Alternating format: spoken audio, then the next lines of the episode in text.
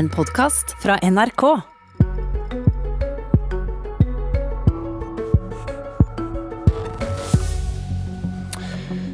Det kommer til å være kloremerke på døra inn til forhandlingsrommet der Støre skal lage regjeringsplattform. Kanskje det blir kloremerke på innsiden av den døra også, hvem vet. Men på utsiden er det uansett mange som ønsker å påvirke politikken til en ny regjering. To av dem sitter her. Velkommen til Politisk kvarter, administrerende direktør i Norsk olje og gass, Anniken Hauglie. Takk skal du ha. Og god morgen, Truls Gullovsen, leder i Naturvernforbundet. Tusen takk. Eh, Norsk olje og gass vil at en ny regjering skal fortsette å lete etter olje. Naturvernforbundet vil at en ny regjering skal stanse letingen. Det er utgangspunktet her, og for så vidt kanskje i et eh, forhandlingsrom. Og Gullofsen, hvordan, hvordan jobber dere nå inn mot de som skal forhandle om en ny oljepolitikk? Vi jobber jo for at de skal huske både hva de har lovt, og hva som er viktig av hensyn til omstilling av norsk økonomi, og hva som klimapolitikken eh, i verden krever. Og hva gjør man da? Da er det jo litt å sitte her og sørge for at hele landet husker på at det er nødvendig med letestopp hvis vi skal ta klimautfordringen på alvor. Og så er det en god del å snakke med de som er i nærheten av den regjeringsbyggeprosessen. For partiene har jo lovt uh, å ta klima på alvor, og da er det viktig at vi minner dem på det hele tiden. Også hva det betyr i praksis. F.eks. letestopp uh, høres bra ut, men letestopp, betyr det bare de nye konsesjonsrundene, nummererte rundene, eller betyr det også tildeling i forhåndsdefinerte områder, som jo er den største mekanismen for å tildele nytt areal? Og den må vi selvfølgelig også stanse, hvis vi skal ta klimaet på alvor og omstille norsk oljenæring. Hauglie, høres det kjent ut? Få tak i sentrale aktører, snakke med dem, overbevise dem? Ja, jeg tror egentlig ikke vi jobber så veldig ulikt eh, her. Vi også skal ivareta interesser til 118 eh, virksomheter som driver eh, virksomhet på norsk sokkel, både innenfor tradisjonell olje og gass, men også innenfor fornybare og havbunnsmineraler. Så vi også kommer til å jobbe på ganske samme, lik måte, hvor vi kommer til å eh, ta kontakt med de som nå forhandler, og, og komme med våre innspill og, og synspunkter. Vi har hatt et valg der, der velgerne har gitt partiene og deres partiprogrammer ulik tyngde inn i dette forhandlingsrommet. og Hvorfor skal de særinteressene dere representerer påvirke utfallet her, etter at velgerne har sagt hva de mener? Altså, jeg mener jo Miljøet ikke er en særinteresse. Det er et helt grunnleggende element for, en, for all, all, virksomhet. og Derfor er det veldig viktig at noen tar den jobben. Det er veldig mange som kjemper for sine særinteresser og sine selskapers bunnlinjer.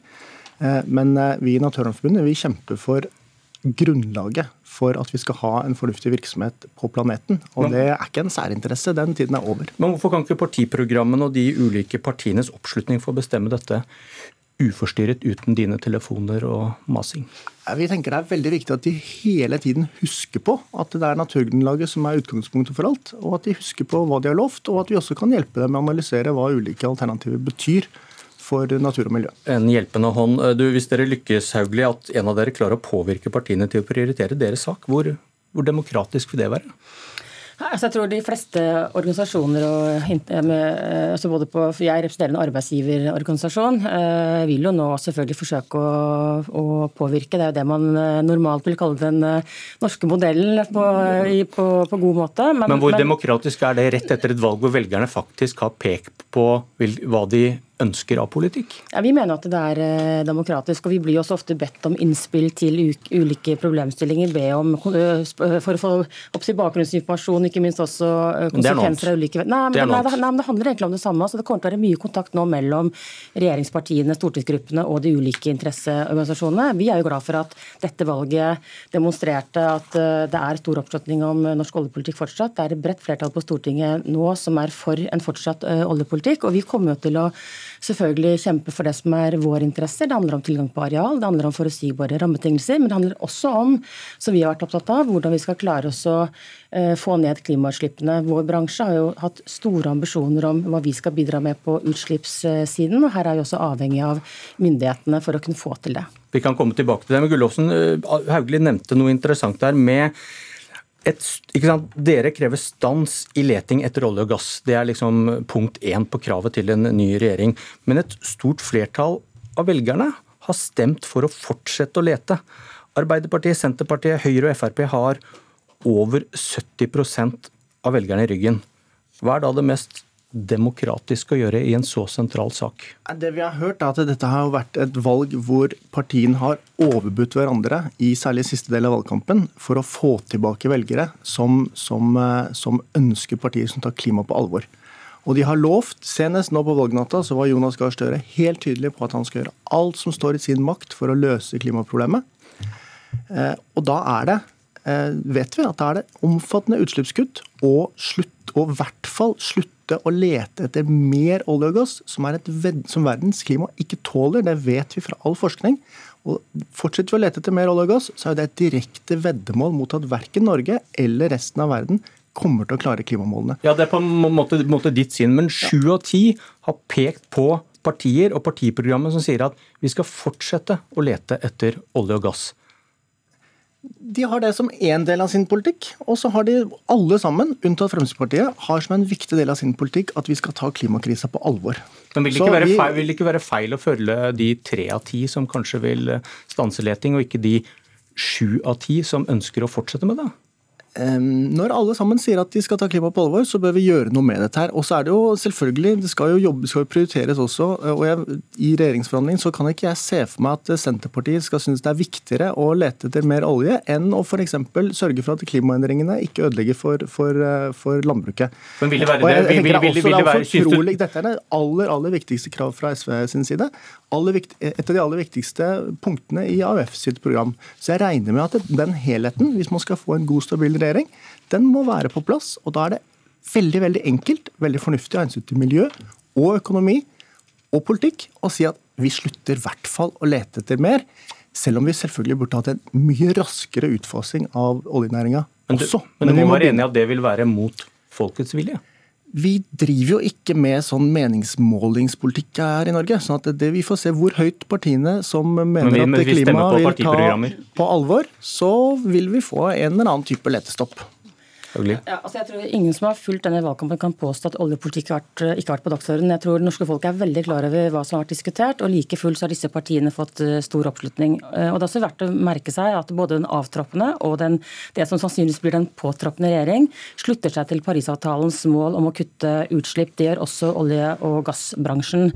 Og så er det også sånn at alle rapporter, internasjonale, om det er fra FN eller Internasjonal energibyrå eller hva det måtte være, peker på en del viktige faktorer om vi skal klare å lykkes. De peker på teknologier, på kapital og på kompetanse som i stor grad i dag finnes i olje- og gassbransjen. Man vil være avhengig av teknologien i bransjen, man vil være avhengig av kompetansen, og ikke minst så vil man være avhengig av kapitalen. Det kommer til å koste masse penger, og per i dag er det lite penger i eh, fornybar. Derfor er det viktig å få skalert det opp, slik at det blir industrielt og kommersielt eh, lønnsomt. Vår bransje er jo nå inne i er nærmere 100, altså 95 fornybarprosjekter, så vi er jo i full full gang inn i, de nye, inn i de nye næringene og i de nye verdikjedene. Du trenger ikke lete etter mer olje for å gjøre det. vet du. Men det er Hauglie, interessant at du, du, du da skjøv Det internasjonale energibyrået foran deg, som tidligere dere også har brukt for å begrunne hvorfor det er nødvendig å lete etter mer olje og gass.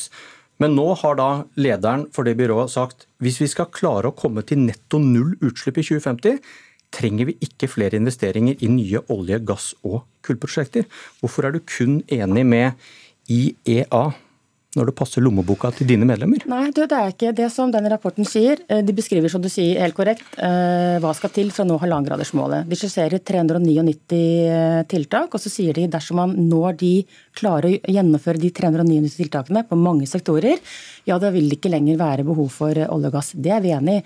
Og så er spørsmålet kommer man til å klare å nå de. Det er et annet spørsmål. Og jeg mener jo at man framfor å diskutere å skru av eller begrense oljetilgangen, så burde man heller bruke tid på å diskutere hvordan skal vi klare å nå de 399 tiltakene. Fordi de sier men du, også Det er nå jeg skal, skal komme nei, med den. Men, nei, Husker du hva jeg spurte om? Ja, jeg gjorde det. Og det er nettopp det som er hele poenget. De sier at for, skal vi klare å nå disse altså hvis, Dersom vi klarer å nå målene, så er det ikke lenger behov for det.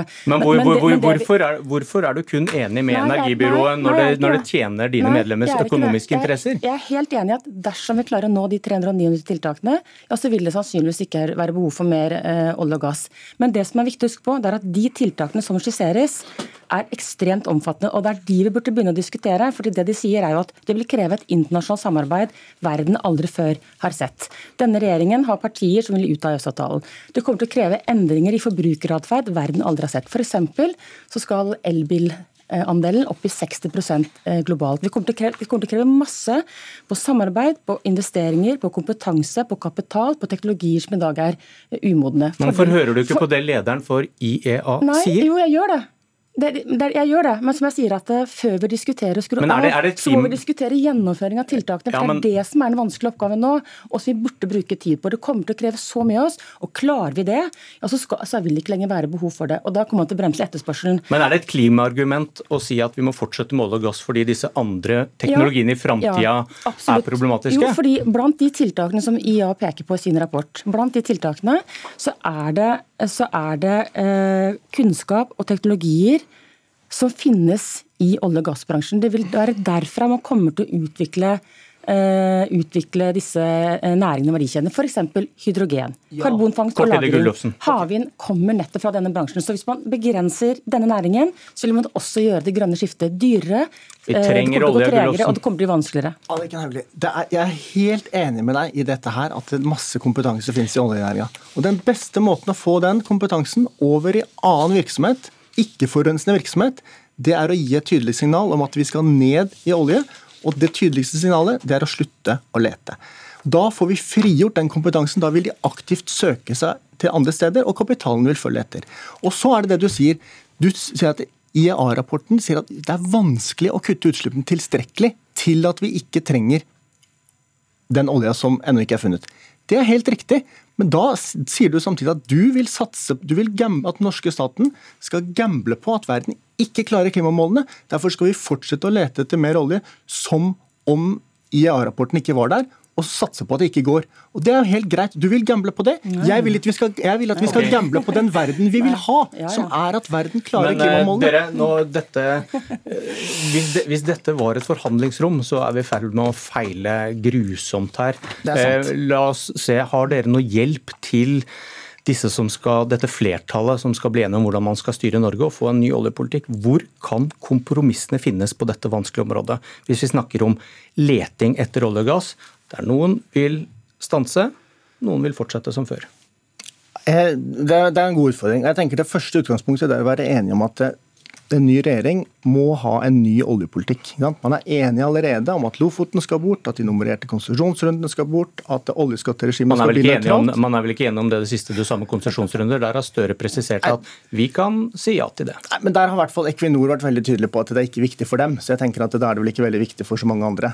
Eh, og så får man se hvor langt Hvis man er enig om at man skal endre, det er ikke på en måte akkurat samme tut og kjør framover, så tenker jeg at man klarer å finne et fornuftig, eh, fornuftig system som, som, strammer inn i retning av god klimapolitikk, og så konkret, ikke er dagens. Konkret, hvordan kan man stramme inn på letinga? Du sier konsesjonsrunde bort. Hva med de lisensene som regjeringen delte ut i går? Hvordan skal man begrense de i disse det man kaller modne områder? Ja, altså denne TFO-ordningen for såkalt modne områder den gjelder nesten hele norsk sokkel. Og av de, av de, av de um, som ble, som ble oljeselskapene søkte på i går, så er mesteparten i, langt opp i Barentshavet.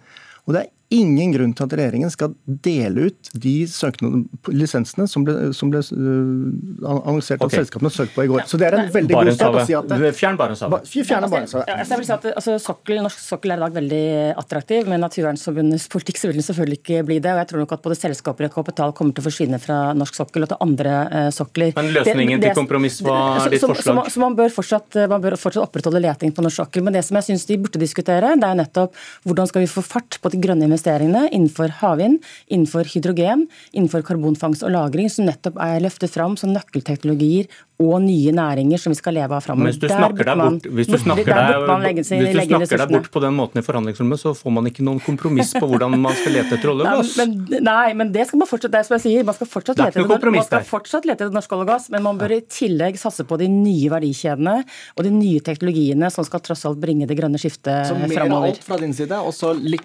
mindre av det ene fra min side? Men, men olje- og gassproduksjonen kommer til å gå ned om vi vil okay. eller ikke i morgen, for reservoarene tømmes. og Da er det viktig å bruke momentumet til å bygge opp nye næringer og nye verdikjeder. Har dere lyst til å avslutte med å ønske dem lykke til? Absolutt. Jeg ønsker dem all lykke til med en veldig viktig jobb for landet. All lykke til med en viktig jobb for landet, og det må bli en ny retning. Vi får se. Takk for forhandlingsrunden. Dette var Politisk kvarter. Jeg heter Bjørn Myklebust.